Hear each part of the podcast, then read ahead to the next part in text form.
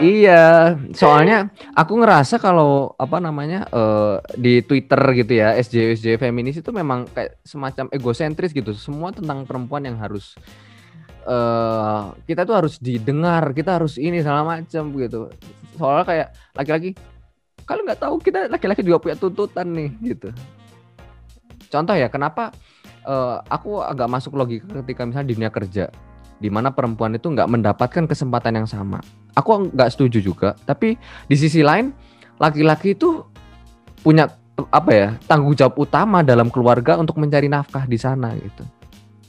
Dan ini udah masalah perut ya kayak sih, sehingga uh, udah masalah perut dan perutnya perut keluarga, sehingga seorang kepala keluarga mau nggak mau dia juga harus memperjuangkan pekerjaannya.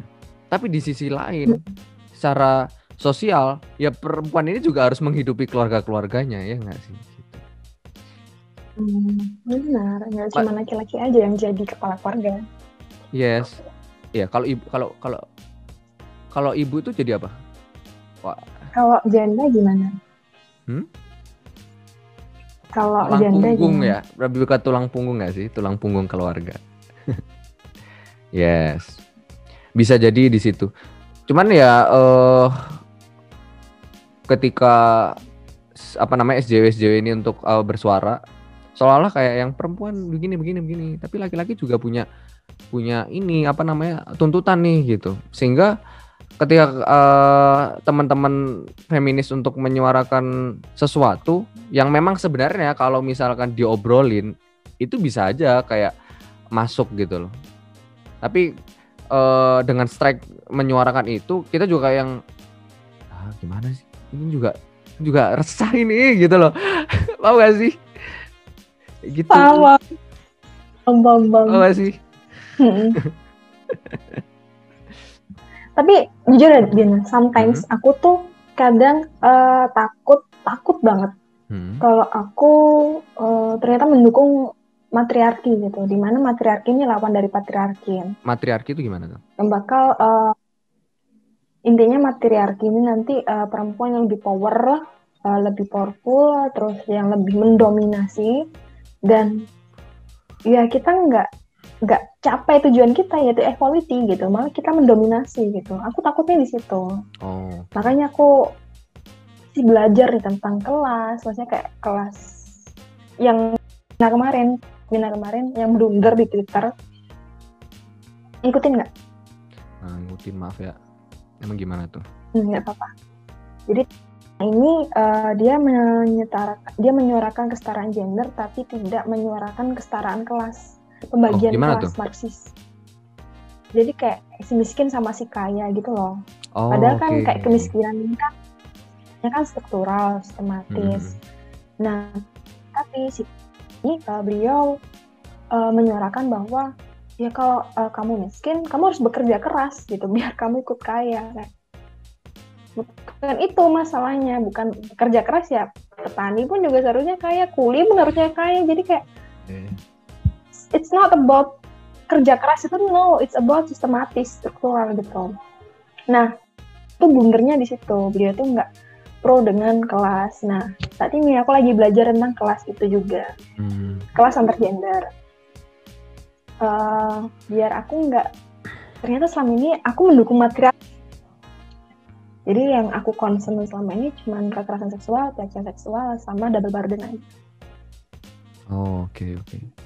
Iya sebenarnya kalau misalkan ngobrolin soal kehidupan sosial ya, satu gender aja udah banyak gitu loh. Gimana apalagi yang dua gender yang apa? Kalau orang yes. bilang tuh Pulau Venus dan Mars. yang kita itu sebenarnya sama-sama yeah, yeah, yeah. apa bahasanya? Kita itu sebenarnya sama-sama dibebankan sesuatu gitu dan bertanggung jawab mm -hmm. atas suatu hal. Gitu. Tapi memang uh, apa ya? Terlepas dari matriarki ya, uh, gimana pun aku sempat sharing dengan apa ya orang orang-orang yang sudah menikah sejak dini gitu. Dia yang perempuan ya, yang merasakan yang namanya post power syndrome tahu nggak sih? uh, di mana ketika dulu post power syndrome itu misalnya perempuan nih dulu kayak Rosa gitu apa namanya aktivis dan salah macem aktif di mana-mana berangkat pagi pulang malam untuk rapat proker-proker gitu ya. Terus tiba-tiba dia juga, anda menikah. Tapi kan cowok. gitu. Nah, ini perempuan yang memang dia uh, disupport secara lingkungan untuk melakukan kegiatan aktivisme gitu. Kemudian tiba-tiba dia diambil mantu tuh, ya, menikah. Nah, kehidupannya langsung bread hilang gitu. Maksudnya yang akhirnya dia dulu ke secret dan salah macem, dia udah lulus, terus uh, teman-temannya kan menjalani karirnya ya. Dan dia sebagai ibu rumah tangga itu merasa stuck gitu di dalam rumahnya ngurusin anak dan uh, melakukan rutinitas yang begitu-begitu aja gitu loh. Dan semakin apa ya melihat orang lain tuh kayak semakin bising gitu. Akhirnya merasa nggak berguna di rumah. Jadi ada yang post power syndrome. Jadi yang kayak merasa nggak berdaya gitu. Kayak aku aku apa dan salah macam. Walaupun mungkin banyak yang menjelaskan bahwa rumah tangga itu eh, apa namanya keutamaannya besar salah macam gini gini gini. Tapi yang dirasakan saat ini apalagi eh, saat ini kan media sosial juga cukup rame gitu kan melihat banyak wanita karir dan segala macam. Ada orang-orang yang merasakan uh, apa ya secara psikologis tertekan seperti itu gitu. Dan itu menurut aku uh, perlu wadah untuk diangkat bagaimana apa ya nggak perlu nggak nggak perlu sampai equality yang kayak setara dia berkarir dengan orang lain tapi seenggaknya dia berdaya di dalam rumah gitu loh mau gak sih? Yang dia memiliki power untuk bergerak, dia punya power untuk berkembang. Pun juga uh, sebagai ibu dia berkembang gitu loh, nggak hanya kayak yang uh, melakukan hmm. rutinitas yang sama. Aku miris sebenarnya kalau misalkan um, apa melihat fenomena seperti itu gitu. Nah, uh, ini tuh gimana? Ngomong sebenarnya ini tuh juga pernah dibahas pada fenomena uh, seseorang perempuan nge-tweet bekal istri, bekal untuk suami. Hmm. Ikut nggak itu itu cukup ramai gitu. Aduh, aku ketinggalan kayaknya nah, jadi jadi di situ uh, beberapa feminis tuh kayak underestimate banget PRT Nah, di situ juga aku yang kurang pro sama teman-teman feminis. Karena mau gimana pun, entah itu IRT ataupun uh, perempuan karir, itu sama gitu loh. Kita kita berdua ini posisi yang sama, nggak ada yang nggak ada yang beda, nggak ada yang di atas, nggak ada yang di bawah, nggak nggak ada. Hmm. Tapi di kondisi sosial kita, di, di kondisi sosial kita, ini ada sebuah perbedaan di mana ibu-ibu karir, di mana perempuan-perempuan berkarir ini dianggap uh, lebih superior, dianggap lebih berdaya karena mempunyai pengetahuan yang lebih tinggi, pertemanannya lebih luas, uh, terus juga lebih mempunyai karisma, dianggap punya karisma yang tinggi, yang lebih luas daripada uh, seorang perempuan yang memutuskan untuk dia menjadi berumah tangga. Gimana kalau ibu rumah tangga kan tidak seluas ibu-ibu, uh, bukan ibu-ibu sih perempuan karir ya. Yeah. Lingkungannya juga itu, itu aja. Mm -hmm jadi iya Ben seharusnya diberdayakan gitu dan nggak boleh ada perbedaan kelas karena sama kita kita berdua sama-sama menjalani kewajiban masing-masing gitu. Hmm. iya sih.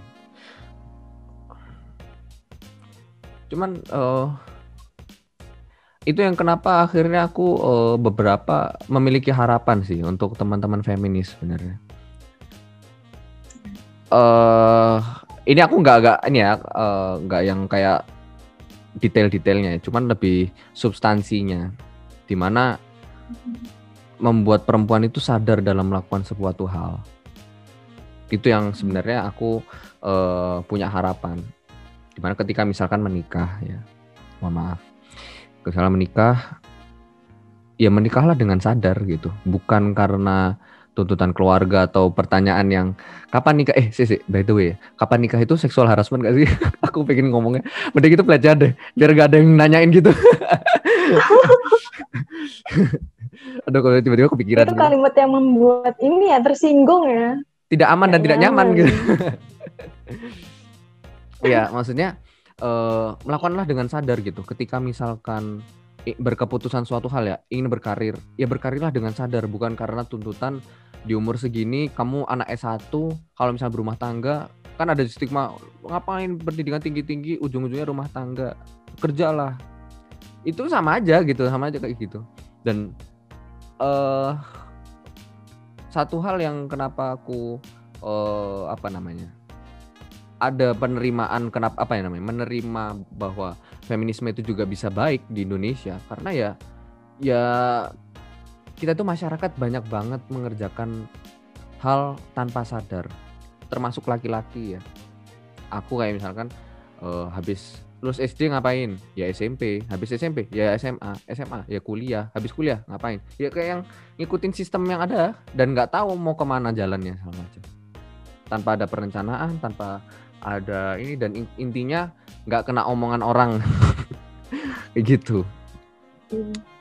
Nah termasuk juga perempuan. Itu yang aku harapkan uh, suara-suara kalian tuh menyadarkan orang-orang tentang sebuah keputusan perempuan tuh bisa lebih sadar gitu. Di situ. Dan memang banyak sih tokoh-tokohnya ini ya perempuan yang terkenal ya kayak Menteri Keuangan dan segala macam ya. Ya uh, aku harapnya juga itu bukan sebagai pembenaran kayak ada loh perempuan yang saat ini berkarir bagus nih segala macam ya belum tentu apa perempuan yang berkarir akhirnya dikatakan perempuan yang berdaya ya enggak sih? Karena berdaya itu soal mindset bukan soal apa yang dia lekatkan gitu. Karena kan rezeki orang tiba-tiba dapat rezeki jabatan dapat rezeki ini kan ya itu perkara beda ya. Belum tentu diatur. Jadi ini kita nggak boleh underestimate ini sih uh, peran perempuan di mana pun, entah itu di rumah tangga ataupun di hmm. perusahaan ya sama aja. Kita sama okay. kan kewajiban untuk tentang itu mencari nafkah atau tentang itu menghidupi keluarga, mengurus anak, itu oh, itu sama aja, kita bebannya sama. Bebannya sama. Dan tapi emang ini sih ya, uh, kita makin jelas gitu peran satu sama lain yang kayak oke okay, uh, eh, perempuan ketika di kantor ya mungkin disuarakan untuk agar dia mendapatkan kesempatan yang sama. Tapi ketika di rumah ya dia harus peran sebagai ibu gitu. Ya sih ya termasuk laki-laki sih. Maksudnya peran ya jangan sampai peran karyawan atau peran bos pulangnya itu jadi tetap jadi bos kadang pun perempuan juga ibu-ibu ya ada. Maksudnya uh, ada temanku yang dia deket sama anak pang dulu banget masih kecil ya dia cerita. Teman-teman pangnya itu anak-anak pejabat tau.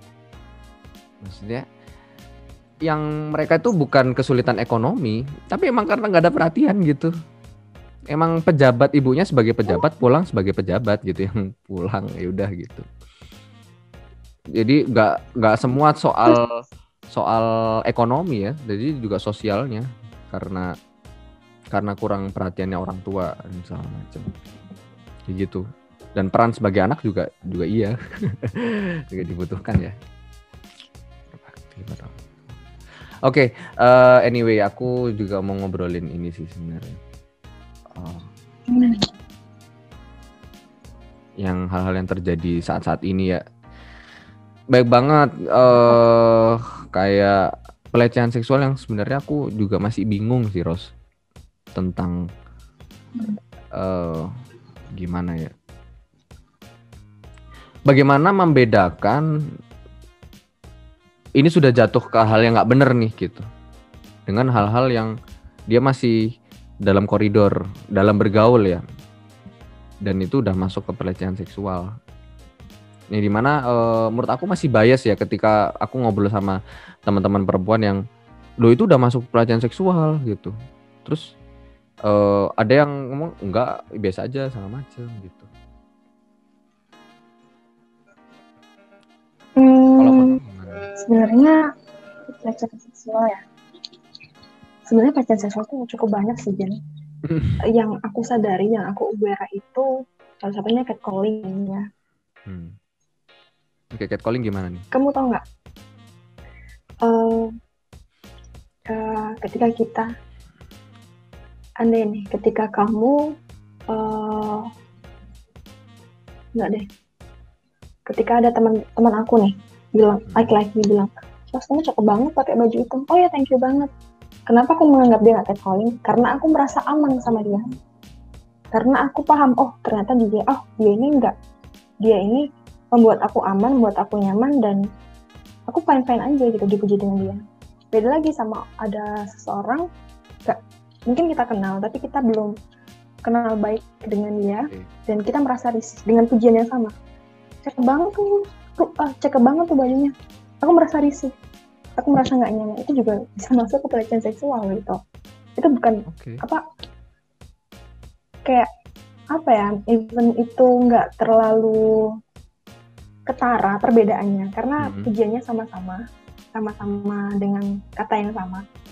Tapi terciptanya rasa aman dan nyaman di kedua orang ini berbeda. Tuh berarti karena kan, kita percaya sama hmm. ini ini berarti kan soal perasaan uh, subjeknya ya atau subjek atau objek sorry si perempuannya ya hmm. apakah dia yes. nyaman atau enggak ya nah tapi kalau misalkan hmm, emang aku intensinya intensinya kayak gini kayak kita nih misalkan aku sama Rosa kita uh, di skenario kan nggak begitu kenal banget gitu ya. Terus tiba-tiba nih Rosa kuliah tuh. Terus hari itu emang pakai outfit yang bagus banget gitu. Terus aku muji, "Eh Rosa, kamu hari ini cantik banget nih." Dan apa ya, secara niat aku pengen memuji aja gitu. ya rasanya agak terganggu sih Bin sebenarnya. Agak agak risih juga gitu. Ya kayak eh, ngapain? Karena kita gak kenal kenal banget ya. Iya. Yeah. aneh gak sih nggak kenal kenal banget terus kamu terus kamu kayak kayak nyapa orang gitu. Kayak memuji orang nih eh baju kamu cakep banget kayak. Risih dong. Tapi anehnya kalau kita hmm. sama perempuan kadang tuh eh uh, mbak maaf uh, cakep banget sorry lu cakep banget. Itu kayak hmm. kita oh, oh, oke okay, thank you. Kita tercipta rasa aman gitu padahal oh, okay. padahal nggak kenal. Itu juga bisa jadi. Jadi cukup rumit ya ternyata pelecehan seksual tuh. Ya soalnya kan karena interaksi kan didasari kan oleh rasa aman dan nyaman dari subjektif hmm, interaksi interaksi yes dari rasa aman dan nyaman sebenarnya Oke oke, berarti soal aman dan nyaman. Tapi sebenarnya ya kalau laki-laki sama laki-laki pun tetap nggak aman ya. Aku rasanya di tang kamu ganteng. Serem juga beda ya. Laki-laki sama laki-laki, perempuan sama perempuan ya gak sih? uh, Kalian uh, kalau perempuan sama perempuan panggil bebek aja biasa aja, tapi kalau laki-laki aneh banget ya sih? Ya aneh banget, serius. Dan ada beberapa kebiasaan misalkan ya kalau waktu kuliah cewek ke kamar mandi bareng gandengan tangan ya nggak sih? Ya cowok kan kayak yang aduh nggak mungkin. kayak gandengan tangan juga. skip skip gitu. Tapi bareng lah ya. Iya. Iya ya. Aku juga nggak tahu tuh kok kok bisa ada sikap nggak aman eh, padahal kalian tuh gendernya sama eh jenis kelaminnya sama laki-laki sama laki-laki seharusnya tercipta rasa aman loh bin antara kamu dan temen laki-laki gitu. Why? Ya mungkin uh, rasa aman laki-laki sama perempuan itu mereka punya atap yang berbeda aja. Jadi kubahnya beda gitu loh. Mungkin kalau perempuan secara verbal terus sentuhan. Kalau laki-laki mungkin lebih ke apa ya bahasanya? Sentuhan tapi agak agak keras gitu, mungkin dipukul. uh, apa ya? Mungkin gini sih kayak laki-laki itu kan lebih apa ya? Menonjolkan kejantanannya ya enggak sih? sehingga ketika ada sifat-sifat yang Sikap memang ya? yes uh, uh, menyerupai perempuan ya dia bakal apa nama bahasanya ada pride yang harus dijaga gitu loh statementnya ya sih dan itu sehingga uh, kayak yang, ada boundaries ada jarak iya yang mungkin perempuan itu ada hal lain yang mungkin bakal awkward kalau misalkan yang dilakukan laki-laki gitu paham gak sih mungkin ada hal-hal yang dilakukan laki-laki buat perempuan hmm. aneh gitu Oke, uh, tadi soal ini ya, uh, apa namanya, soal interaksi. Tadi aku mau tanya apa sih sebenarnya? Oke, gini, kan misalkan ternyata terjadi ketidaknyamanan nih, ternyata kamu nggak nyaman nih Ros, gitu. Terus aku pun nggak menyadari itu, kalau kamu ternyata nggak nyaman gitu. Apa yang harus Rosa lakukan dan apa yang harus aku lakukan? Kalau aku pribadi, kalau terjadi kamu menyapa, menyapa aku dengan uh, kondisi aku nggak kenal kamu, pasti hmm. aku bakal senyum awkward untuk menghargai. Tapi awkward ini kayak lu ngapain cuy gitu. Ya udah gitu. Karena apa? Uh, karena selain kita menghargai, juga kita tuh kayak, waduh ngapain nih orang mencari rasa aman aja. Soalnya kalau kita, kalau kadang tuh ya, mungkin uh, ketika orang-orang yang masih belum aware ya kita menerima catcalling itu kita menerima pujian yang nggak nyaman itu di rasa-rasa uh, mungkin kamu menganggap kalau oh ternyata pujian aku ini fine-fine aja padahal bisa aja si perempuan ini merasa nggak nyaman aku merasa nggak nyaman itu mungkin banget ya Okay. Jadi menurut aku kondisi ideal yang bisa dilakukan adalah kondisi ideal ya, kondisi hmm. ideal. Yes ya selain kita sama-sama sadar bahwa kita sama-sama nggak nyaman mm-hmm. ya ini dikasih tahu gitu sorry uh, ya oke okay, thank you tapi gue nggak nyaman tuh dan si si kamu laki-laki ini oh oh ya sorry. Kalau bikin lo nggak nyaman tapi sorry lu cakep banget. Gitu aja udah. Atau sorry eh, nggak uh, bermaksud nggak ngapain cuma pengen muji doang gitu. Memperjelas oh. apa maksud dan tujuan dia ngomong kayak gitu. Hmm. Berarti emang uh, fair-fairan kalau misalkan nggak nyaman ya minta maaf aja. Kayak ibarat kata ngejek orang juga sama gitu ya. Tapi mungkin nggak sih kayak misalkan kamu nggak nyaman gitu. Terus ini apa nih? Uh, apa muji-muji nggak jelas. Dan emang nuansanya kayaknya ini orang catcalling deh gitu. Itu diseret ke hukum bisa nggak sih? Bisa harusnya bisa. Tapi di RUU PKS RUU penghapusan hmm. kekerasan seksual itu bisa. Nah okay. tapi itu juga masuk di uh, hal yang dipertanyakan banget tuh. Itulah uh, apa namanya konsep pelecehan seksual itu sebuah apa namanya ayat yang dipertanyakan dan yang menyebabkan RUU PKS ini ditunda ke prolegnas akhirnya tahun depan itu salah satunya RUU pelecehan seksual eh ayat pelecehan seksual itu karena konsepnya masih ambigu gitu. Iya, aku jadi aneh kan kasusnya kalau semua diseret ke hukum, waduh, nggak ada cowok yang bisa PDKT ya nggak sih? Misalkan ya contoh-contoh ya, mohon maaf ya, mohon maaf ya, kayak misalkan kaku banget, sosok ini kaku. Kayak, uh, ada orang nih suka sama perempuan, terus uh, niatnya baik nih, dia mau taaruf. Eh, uh dia mau taaruf nih. Oh. tidak nyaman. Hukum. Masa penjara. Kan kasihan ya.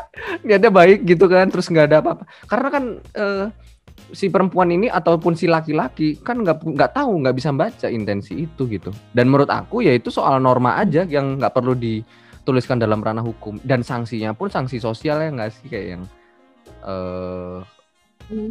ya itu cukup menjadi sanksi sosial saja kayak kayak misalkan ya ibarat kata uh, ngilangin barang orang kita salah kita minta maaf dan mungkin kalau clear clear kalau misalnya suruh ganti barang ya udah gitu maksudnya uh, menurut aku sampai situ aja kalau sampai ranah hukum kayaknya wow ternyata bisa ya wah serem juga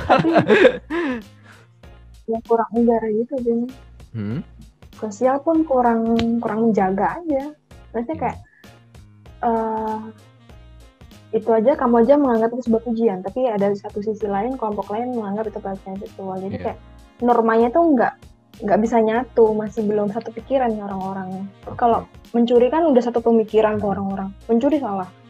Tapi kalau memuji ini kan masih banyak yang setengah-setengah ada yang yeah. itu itu ada yang pelecehan seksual itu ada yang enggak.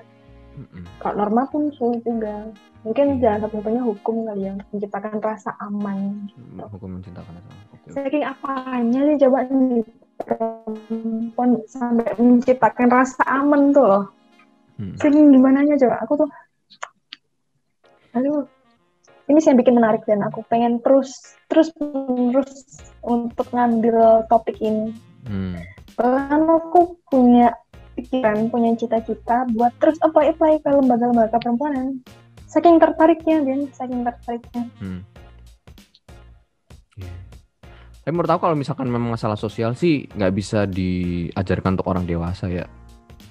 Maksudnya secara apa ya bahasanya norma gitu. Kok gitu? Karena normanya udah terbentuk dan gini. Uh, ngubah seseorang secara watak atau suatu sebuah kebiasaan tuh bukan hal yang mudah. Itu pun perlu approval dulu. Secara approval nanti ada persetujuan, akhirnya nanti ada uh, pembiasaan yang mungkin ada cenderung memaksa dan segala macam sehingga akhirnya membudaya gitu.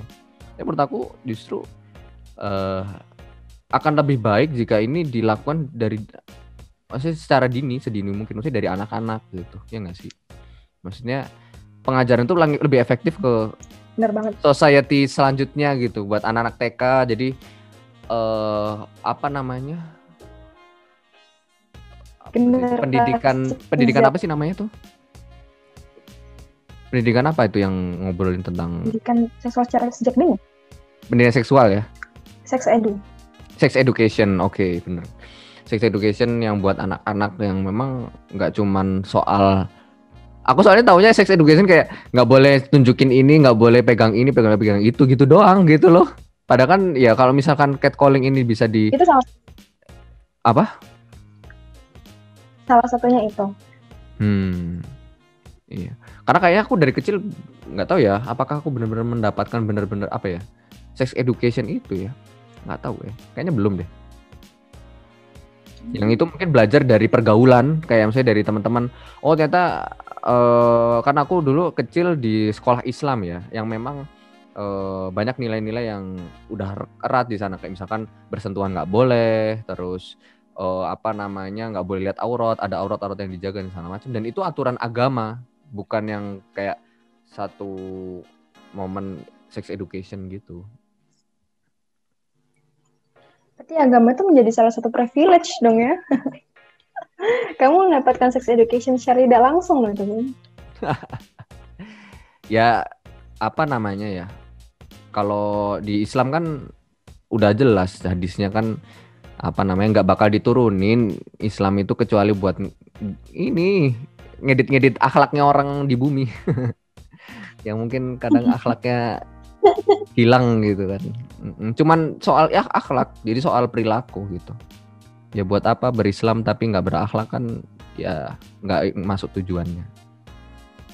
Begitu. Menarik sih. Mungkin itu bisa jadi ini ya kurikulum apa namanya kurikulum keluarga gitu. Jadi nggak hanya ngajarin ngaji, terus tapi ngajarin kayak gitu-gitu. Boleh tuh, wah. Calon-calon kepala sekolah nih, iya gak sih? Aduh, silam. Ngomongin kurikulum. Ini kurikulum ya. Tapi bagus sih kayak gitu. Maksudnya nggak perlu, menurut aku nggak perlu jadi hukum, cuman menjadi apa kita membentuk society baru yang memang dia punya pemahaman baru gitu.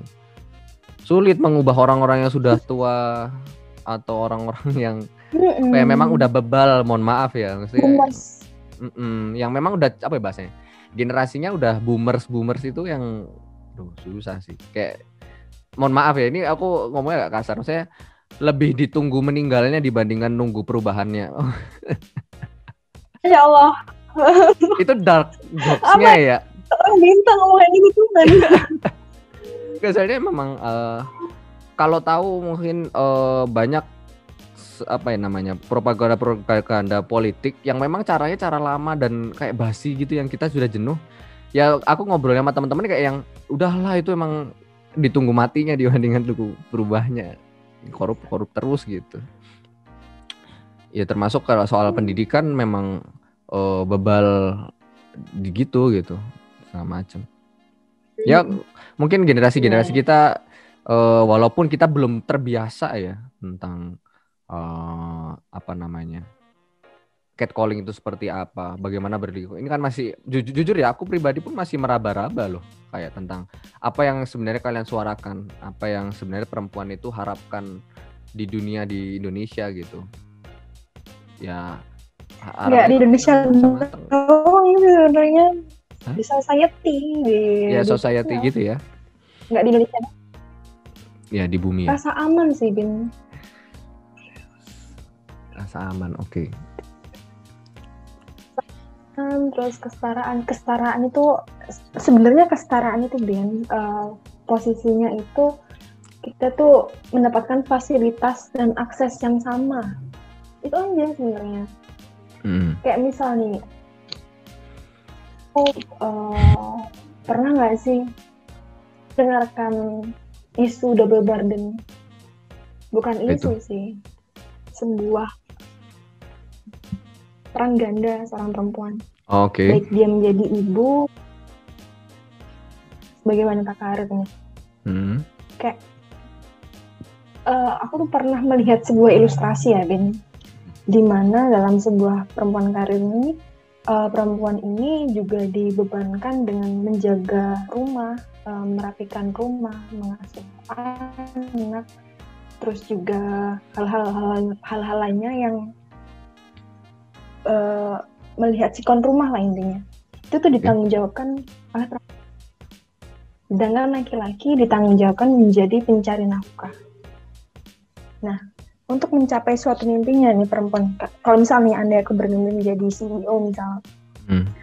mimpiku untuk jadi CEO ini lebih duluan kamu gitu. Karena kamu mulus aja mencari nafkah itu langsung. Ya udah mulus aja tuh. Kamu fokus hmm. sama kantor kamu. Bukan juga ngurus rumah ngurus kantor ngurus rumah ngurus anak ngurus kantor. Banyak hmm. gitu. Depan kami ada banyak. Riwa riwa riwa jadi kayak hal-hal kayak gitu tuh uh, yang aku tahu dan yang aku hmm. pahami adalah kan jadi ayo kita bareng-bareng ngurus rumah ayo kita bareng-bareng mengasuh anak jadi okay. dan bila setara itu yang yang dipengen tuh kayak gitu sebenarnya hmm. meskipun itu simpel ya kelihatannya hmm. kayak simpel tapi sulit juga karena akhirnya laki-laki dipersulit akhirnya laki-laki diberi beban gitu. Jadi mungkin itu yang membuat uh, berat sih. Kecuali kalau andai kamu sadar laki-laki yang sadar yang ingin membantu istrinya ingin membantu mengurus anak itu. Zaman banget deh kalau kamu punya mindset kayak gitu. Tapi kalau misalkan tahu ya uh, dalam Islam definisi dalam menafkah itu bukan memberi memberi apa namanya memberi uang doang loh, bukan memberi makan loh. Memberi makan itu ya menyuapi kalau kamu tahu. Bahkan hmm. bisa uh, membuat apa ya menafkahi itu ya nggak cuma nyari duit pulang ngasih enggak. Bahkan kamu mas seorang suami itu men, apa namanya? Memasakin keluarganya, memastikan keluarga itu kenyang, terisi perutnya. Ya itu eh, seorang suami. Dan perempuan tuh apa tugasnya? Madrasah. Tugasnya. Nurut bagian. Yes. Jadi dia pendidik, maksudnya yang apa namanya? Apakah dengan memasakkan tuh sebagai apa namanya peran seorang pendidik bisa iya biasa enggak kalau misalkan masaknya ya master chef gitu ya ngajarin anaknya masak gitu oke gitu Terus apakah cuci-cuci itu ini cuci-cuci itu menafkahi bisa jadi menjadi apa ya? Filosofi menafkahi itu lebih luas lagi. Yang jelasnya ya memastikan bahwa anak dan istrinya itu adalah apa ya mendapatkan kehidupan, penghidupan. Sebenarnya se ekstrim itu. Kalau misalkan e, mau tahu seberapa dominannya laki-laki dalam rumah tangga, itu bukan yang akhirnya dijadikan sultan, enggak, justru malah lebih gini lagi dia itu tapi society-nya sosial. Yes, it is. Uh, hmm. Karena memang gak hanya sexual education kali ya, mungkin pernikahan education. yang memang iya itu bagus banget loh Min itu bagus banget kalau menurut aku aku ngedukung nah. banget sih kayak gitu tuh bagus banget iya yang apa namanya memang itu perlu apa ya bahasanya dipelajarin terus seumur hidup dan agama itu bukan menjadi variabel yang akhirnya menjadi pembenaran diri kita dalam melakukan sesuatu, tapi kita mencari kebenaran atas sesuatu gitu loh. Ya sebenarnya kalau yang aku, aku baru aku pun juga baru tahu mas masa-masa akhir semester kuliah ya. ya pas akhirnya berapa ada sharing uh, apa ya di orang-orang di Malang itu ada salah satu lembaga sosial gitu di mana hmm. ya dia ngejelasin maksudnya sampai yang masakin dan salah macem ibunya itu sampai ngajarin anaknya anaknya kan nggak disekolahin ya maksudnya emang ibunya bener-bener peran untuk ini dengan alasan uh, pengen anaknya itu kenal Allah dulu sebelum kenal teman-temannya nah, jadi ya pas lagi ini ngajarin ya disuapin tuh sama suaminya sebelum berangkat kerja. Wow, wow, wow. Gokil nggak? Langka banget, sorry itu. itu ada nggak orang yang kayak gitu kok ada nggak sih, Min? Aku ada. kok kayaknya ada, Ros. Denger aja Jadi, baru sekali ini, Min. Denger aku, aja baru... aku aja down loh dengan gila emang semang ada yang kayak gitu insecure aku loh wow dan itu emang per, apa ya persoalan yang serius ya. Walaupun mungkin hal yang remeh nyuapin atau segala macam. Cuman itu itu filosofi sekali dalam apa yang menyatakan bahwa ya aku memang benar-benar menjamin perut istriku apa terisi ya dengan aku memastikan aku menyuapin dia. Gila gak sih? Ya uh, society yang yang udah dibentuk di otak aku nih harga diri laki-laki tuh itu udah down banget. Maksudnya kayak itu dia tuh menurunkan harga dirinya untuk menyenangkan istrinya loh kalau kayak gitu oh, begini. Yes. Serem sih, apa ya? Ada yang namanya ini, uh, mungkin itu jokes-jokes lama ya, yang jokes-jokes Betawi tau nggak suami-suami takut istri. itu kan sebenarnya kan sebuah fenomena yang apa ya lumrah terus ditangkap ke TV gitu kan, kayak wow. Jadi uh, equality yang di sini yang menurut aku ya, tapi nggak tahu apakah definisi itu sama. Menurut aku setaranya itu uh, bukan setara ya, maksudnya lebih ke seporsinya gitu loh. Pada akhirnya kita uh, kalau perspektifku dalam menikah itu kayak yang uh, aku punya tujuan ini nih, kamu punya tujuan yang sama nggak? Kalau punya tujuan sama, ayo kita capai bareng-bareng gitu. Sampai ini, kalau bahkan seketika menjalani itu pun itu nggak bisa kayak biar gitu, masih harus tanya kita masih dalam tujuan yang sama atau enggak gitu dalam porsi-porsinya seperti itu. Jadi uh, ketika misalkan aku nggak tahu definisi equality-nya ya, maksudnya kalau yang perempuan yang dalam karir dan segala macam, iya banyak kasus kalau misalnya kayak yang uh, janda dan segala macam bagaimana.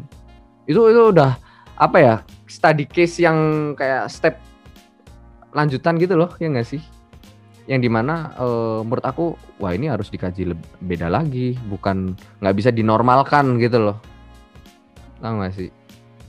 Kayak gitu. Keren banget.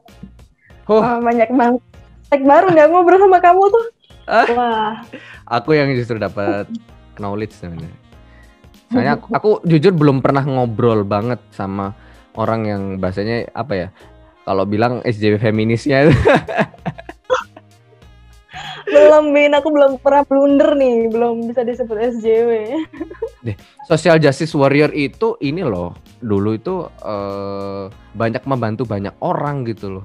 Iya enggak sih? Istilahnya tuh bagus gitu loh. Maksudnya yeah. kayak itu bagus untuk sosial gitu tapi kenapa kok malah diselewengkan cuman lama-lama ganggu lama-lama itu nah, ganggu. mungkin kayak gitu mungkin gitu. ya mungkin kayak uh, uh. ih naif banget sih jadi orang mungkin kayak gitu kali ya Iya.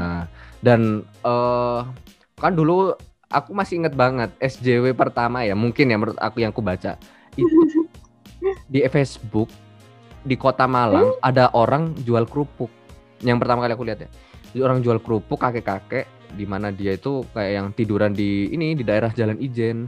Nah, terus difoto tuh sama orang, terus dia dia ngejelasin kronologi kakeknya gimana segala macem.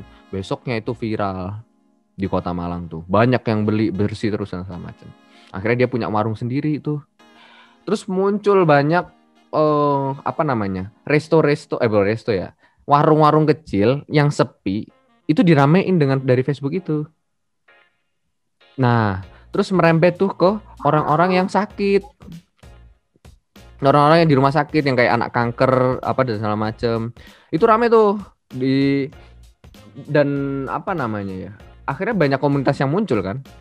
Komunitas muncul dan uh, salah satu kronologi kenapa kita bisa .com muncul kan kalau kata Bang Timi kan Indonesia tuh banyak banget orang baik tapi nggak ada jembatannya gitu. Ya dari informasi-informasi itu akhirnya kan kita bisa.com buat platform sendiri yang untuk menjebati langsung gitu. gitu. Nah, makin ke sini kan merembetnya kan ke banyak hal ya.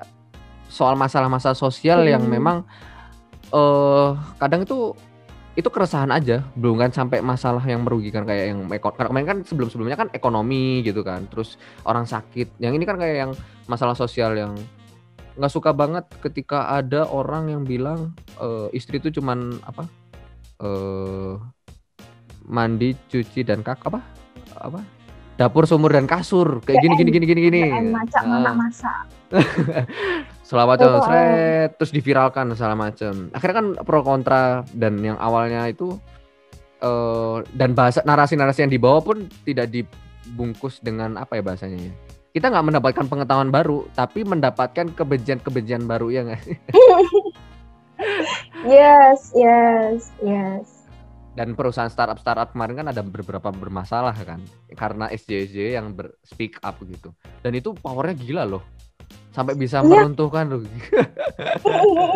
aku ngikutin itu, terus disebutin, aku ngikutin, aku iya. ngikutin soalnya aku, aku dulu justru apa ya jujur ter, apa ter, tertarik dengan startup tersebut gitu cuman langsung wah ternyata ada informasi kayak gini segala macem yang awalnya tuh e, menyuarakan suara-suara keadilan terus sekarang ada keadilan yang cuman ini isunya korporat nih jadi yang poli ada ya apa ya kayak politis gitu loh ya kan sehingga uh, ada upaya-upaya lain yang menjatuhkan nama SJW itu gitu akhirnya ada SJW lain yang saling tabrak dan segala macam. Waduh.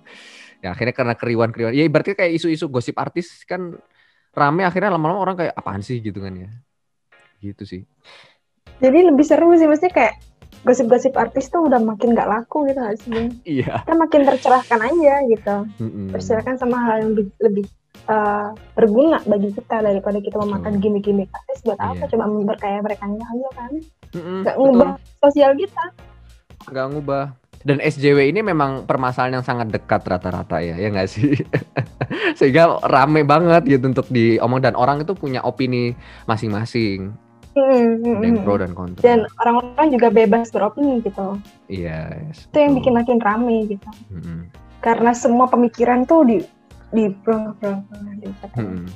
Cuman menarik sih. Uh, ini juga ngobrolin sosial media di mana kita semua itu dapat hak untuk mengeluarkan pemikiran. Walaupun Muntah. mungkin ini muntahan pertama ya bahasanya kan kalau orang masuk angin muntahan pertama selalu banyak ya dan memang bau banget gitu. Cuma kan nanti lama-lama kan ya muntahannya lebih sedikit, lebih difilter. Ya semoga hmm. gitu karena kan kita makhluk dunia medsos yang baru gitu ya. Wow, ini media sosial seperti apa? Aku kok bisa ngomong sakarepku dewe gitu. nggak ada namanya norma. kayak gitu iya iya iya ya aku harap itu sih sebenarnya mungkin... tahap-tahap blunder sih dia kenapa blunder tahap-tahap blunder uh-uh. jadi kalau yang aku pahamin ya tentang uh, konsep berpendapat ini ya Hmm. Kita memang bebas berpendapat apa pun di sosial media. Kita juga bebas mengutarakan opini, pemikiran apa pun di sosial media. Hmm. Tapi kita juga wajib uh, menerima dampak dari ucapan-ucapan yang kita lontarkan gitu. Bisa ada orang-orang yang nggak setuju, bisa ada yang tersinggung, bisa malah ada yang malah diviralkan gitu. Ya itu emang efek dari atau dampak yang nggak bisa kita hindari gitu. Ada risk, ada ada resiko yang harus kita ambil itu. Dan juga itulah kenapa aku eh, nggak uh, nggak sepakat sama cancel culture. Kayak kita mengcancel seseorang gitu loh di masa lalunya kayak misal hmm. aku dulu uh, eh, fine fine aja dulu misal aku dulu fine fine aja tuh sama catcalling karena aku merasa wah aku makin dipuji banyak orang aku misal kayak gitu okay. terus sekarang aku jadi SJW feminis misal hmm. kan terus ada seorang yang uh, nge-capture status aku. Allah itu Rosa dulunya juga fine aja tuh di catcall. Kan kayak okay itu aku yang dulu itu aku yang dulu dan aku belajar dan aku akhirnya berubah nih jadi aku yang sekarang. Jadi aku yang dulu itu udah nggak relate sama aku yang sekarang. Nah iya, itu yeah, yeah. itu aku nggak sepakat sama cancel culture iya yeah, oke. Okay, okay. kalau bisa. Iya sih. Jejak digital tuh sangat kejam ya sampai banyak juga ya orang yang buka jasa untuk hapus akun dan segala macam untuk menghapus jejak digitalnya. Tapi emang kebayang nggak sih Ros maksudnya? Ini. Kayak misalnya ya suatu saat nanti ya kamu kan bakal jadi ibu nih ya. Kamu punya anak terus anakmu tuh penasaran ibuku tuh dulu gimana ya? Terus dia stalking terus Twitter ya. Hah ibuku dulu ternyata SCW kayak gitu ternyata dulu gini okay, gini apa ya? Aku bakal jadi SJW sampai kapan pun nak dengerin itu gitu. ya terus, Hah, ibu dulu narsis ya di Facebook. Dulu ternyata suka status-status galau kayak gitu. Bayang gak sih malunya kayak gimana? Astagfirullahaladzim, aduh aku bayanginnya malu gini ya Allah. Gini, kalau dulu buku sejarah itu ada orang yang namanya apa sih namanya? Uh, yang mencatat sejarah pahala apa namanya? Seorang tokoh itu apa sih namanya? Dia Sejarawan, eh, apa? Sejarawan. Sejarawan ya apa sih namanya? Buku yang menceritakan tentang uh, profil dari beliau lahir sampai meninggal itu namanya Biografi. Apa? Biografi. Nah, orang yang mencatat biografi gitu. Kalau sekarang kan mungkin nanti biografi presiden-presiden sekarang ya capturean capturean itu mungkin ya. Aduh, aduh. sumpah lucu banget. Jangan dulu kayak jangan uh, seorang apa menteri apa gitu. Dulu SMP-nya uh, eh, apa namanya sering uh, jadi wibu gitu. Aduh. Terus uh, main Aduh, pet, jangan sampai itu jangan sampai main pet society sampai. di Facebook. Aduh. Dicantumin link Facebooknya. Iya. Tidak. Ntar, ntar muncul di Wikipedia lagi. Aduh parah. Iya. Perubahan-perubahan orang kan soalnya biografi kan nggak nunjukin ketengilan-ketengilan orang kan nggak nggak nggak nggak munculin kan tapi rata-rata yang heroik heroik terus akademiknya bagus tapi jejak gitu ya. uh, tapi jejak digital iya min jejak digital itu kejam sekali Oh, astagfirullahaladzim, aku alay banget dulu ya. ya kadang itu ke kepikiran kalau misalkan update di Instagram atau gimana tuh, ini kalau aku update suatu saat nanti anakku lihat gimana ya? Oke nggak apa-apa Instagram silahkan lihat, Facebook silahkan lihat, tapi jangan lihat Twitter ya. Oke, nama palsu biar gak ketahuan ya Allah. Iya. Dulu tuh bapak punya second account. Aduh. Oh, itulah mengapa second account makin menjamur. Iya ya. Biar nggak ini. Biar nggak menjatuhkan citra itu. Gitu. Mm -mm, fitur close friend. Saya kalau, aduh, iya sih Iya, nggak kebayang ya apa namanya cucu-cucu gitu nanti pengen tahu kakeknya. Dulu kakeknya dulu tokoh ya, emang kayak gimana sih dulu dia? Wah keren. Aduh ya untung aja aku belum ini TikTok ya. Iya. Jaga-jaga TikTok. Wah. Wah. Aku bakal aib banget. Iya ya, kalau TikTok gimana ya? Waduh.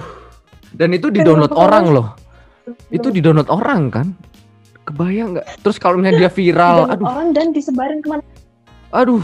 Waduh. Hmm jadiin stiker aduh aduh jadi stiker skip terlalu jauh oh iya by the way ya oh, itu double, berarti double. gini uh, sebenarnya kalau misalkan catcalling terutama kayak artis influencer yang di mana memang dia uh, mungkin sering berpakaian berpakaian yang memang butuh foto yang bagus gitu ya berarti mereka sering melak apa namanya mengalami itu ya Mau nggak mau? Bukan ya? sering lah, mungkin tiap hari. Emang selalu ya? Waduh, gimana ya, Kalau lingkungannya, lingkungannya dia, lingkungannya itu menghormati atau mempunyai kesopanan ya, ya nggak hmm. bakal. Tapi kalau nggak menciptakan ruang aman ya, bisa di calling hmm. iya, bisa dilecehkan juga iya, paling buruk ya rape, raping, rapist. Iya sih. Dan emang kalau misalkan artis ya dulu dulu itu setauku ya ada manajer, terus ada yang ngawalnya nggak sih? Kalau sekarang kan influencer kan bahkan anak kuliahan pun bisa gitu loh jadi orang yang viral dan jadi orang yang berpengaruh kan. Dan itu nggak ada penjagaan tau gak sih? Ya aduh, mengkhawatirkan juga. Itu ya efeknya jadi ya, public figure. Iya, ada konsekuensi yang aduh kasihan juga sih. Mungkin bisa stres kali ya lebih itu tekanan mental yang public public figure gitu iya iya, iya. bahkan Tapi di Korea tuh hmm? bukan bukan seksual harassment hmm. iya sih kalau misalkan uh, mungkin di apa namanya Instagram Instagram cewek gitu kan komentar-komentar dari foto dan memang gini sih uh, memang fotonya vulgar gitu, mohon maaf ya. Fotonya memang vulgar, menampilkan memang orang-orang apa ya otomatis hasratnya naik gitu akhirnya komentar-komentarnya muncul kayak gitu gitu kalau menurutmu gimana coba Maksudnya uh, dia menampil dia menampilkan itu dan laki-laki dan orang ini kan melakukan catcalling gitu. Harusnya kan ya. kan nggak sepenuhnya sa salah nggak sih? Ya, tetap salah dong Win. Kayak Maksudnya nggak ya, sepenuhnya kan? nggak sepenuhnya si ini orang ini salah gitu dalam kasus ini nggak dibebankan orang ini semua gitu. Atau ini dia punya hak. Mm -hmm. Ya tetap aja maksudnya kayak se senaikat apa pun kamu ya hmm. ya kalau kamu emang emang lagi high ya udah buat kamu sendiri aja. Jangan kamu malah melecehkan dia lewat okay. reply lewat DM apa gitu kamu menunjukkan itu? Kayak ya udah buat kamu sendiri aja. Keep it yourself. Hmm. ya karena emang ya aku masih nggak relate aja sih Ben uh, apa namanya kayak pakaian itu bakal atau pakaian ini sebagai kesalahan atau sebagai alat blaming alat yang diperkesalkan hmm. alat yang bakal bisa masih nggak sepakat banget gitu hmm. karena hmm. kalau aku lihat di catatan kekerasan seksual rata-rata yang berjilbab rata-rata yang pakai pakaian longgar daripada yang pakaian seksi malah lebih banyak kasus yang berjilbab hmm. Bahkan yang bercadar pun ada kan jadi kayak kurang relate aja okay. sebenarnya untuk pakai itu di orangnya aja seharusnya otaknya aja. Sikapnya ini yang harus ditahan kesopanannya itu kalau dari pikiran itu sendiri ya. Hmm, hmm, hmm. oke oke. Okay, okay. nggak masalah. Tapi memang emang uh, bener sih kalau misalkan perempuan-perempuan yang berhijab pun juga memungkinkan di dilakukan itu gitu ya gimana pun dia perempuan. Ya kan? Gak menjamin. Iya. Ya, makanya. Gimana pun dia perempuan. Oke. okay. tidak sih lo maksudnya kayak iya, semenjaga apa pun kamu bakal tetap aduh sesulit Iya sih. Uh, cuman aku masih ini sih, masih uh, gimana ya? Kalau misalkan perempuannya, aku pakai aturan catcalling awalnya. Kalau misalnya perempuannya memang welcome untuk di apa ya di komentar seperti itu, ya maksudnya gini, ada konsekuensi ketika dia mempublish itu gitu, paham gak? Ketika memang nggak nggak kuat dengan konsekuensi itu ya jangan melakukan dan bermain di sosial media, paham gak sih? Maksudnya eh bakal ada orang-orang itu yang walaupun kita apa ya menegur pun gitu atau melaporkan pun itu kan terus ada gitu kan. Tapi nah, ya banget. maksudnya uh, kalau misalkan kamu walaupun perempuan berarti ya gimana pun kita semua harus menimang apakah kita bisa bertanggung jawab atas yang kita lakukan ya gak sih? Perempuan posting ya harus siap dengan konsekuensi itu. Ya bukan bukan tentang pakaiannya ya berarti tentang ke, apa namanya ya uh, diri sendiri aja saling yes. menjaga diri aja sih yeah. kalau dalam Islam tuh uh, uh, perempuan dalam Islam ya kalau perempuan yeah. menjaga pakaiannya laki-laki menundukkan tangannya hmm. kalau dalam kitab COVID 19 jaga diri untuk jaga orang lain. Iya. Yeah. COVID nama jadi agama ya. Saya saking begitu mengimaninya gitu loh 3M ya gak sih? Jenuh banget. Sumpah, astaga. Ben kamu nih makin nggak ketemu ini makin ngelawak ya ternyata. Aku lihat-lihat tuh kamu tuh makin ngelawak loh di ini kamu di fit kamu sumpah. Iya, gaulnya makin macam-macam orang soalnya. Otaknya beda-beda. Kalau dulu kan otaknya satu aja, satu frame aja. Sekarang frame-nya beda, banyak ya gitu sih uh, ini udah jam berapa nih wow kita ngobrol lama juga ya oke okay. iya uh, sebelum ditutup nih ya aku mau tanya nih next Rosa mau ngapain apa yang next, ingin kamu lakukan bakal, ke depan aku bakal tetap menyuarakan isu perempuan sampai aku tua sampai aku meninggal deh Oke, oke, oke. Nice. Eh uh, makasih Rosa.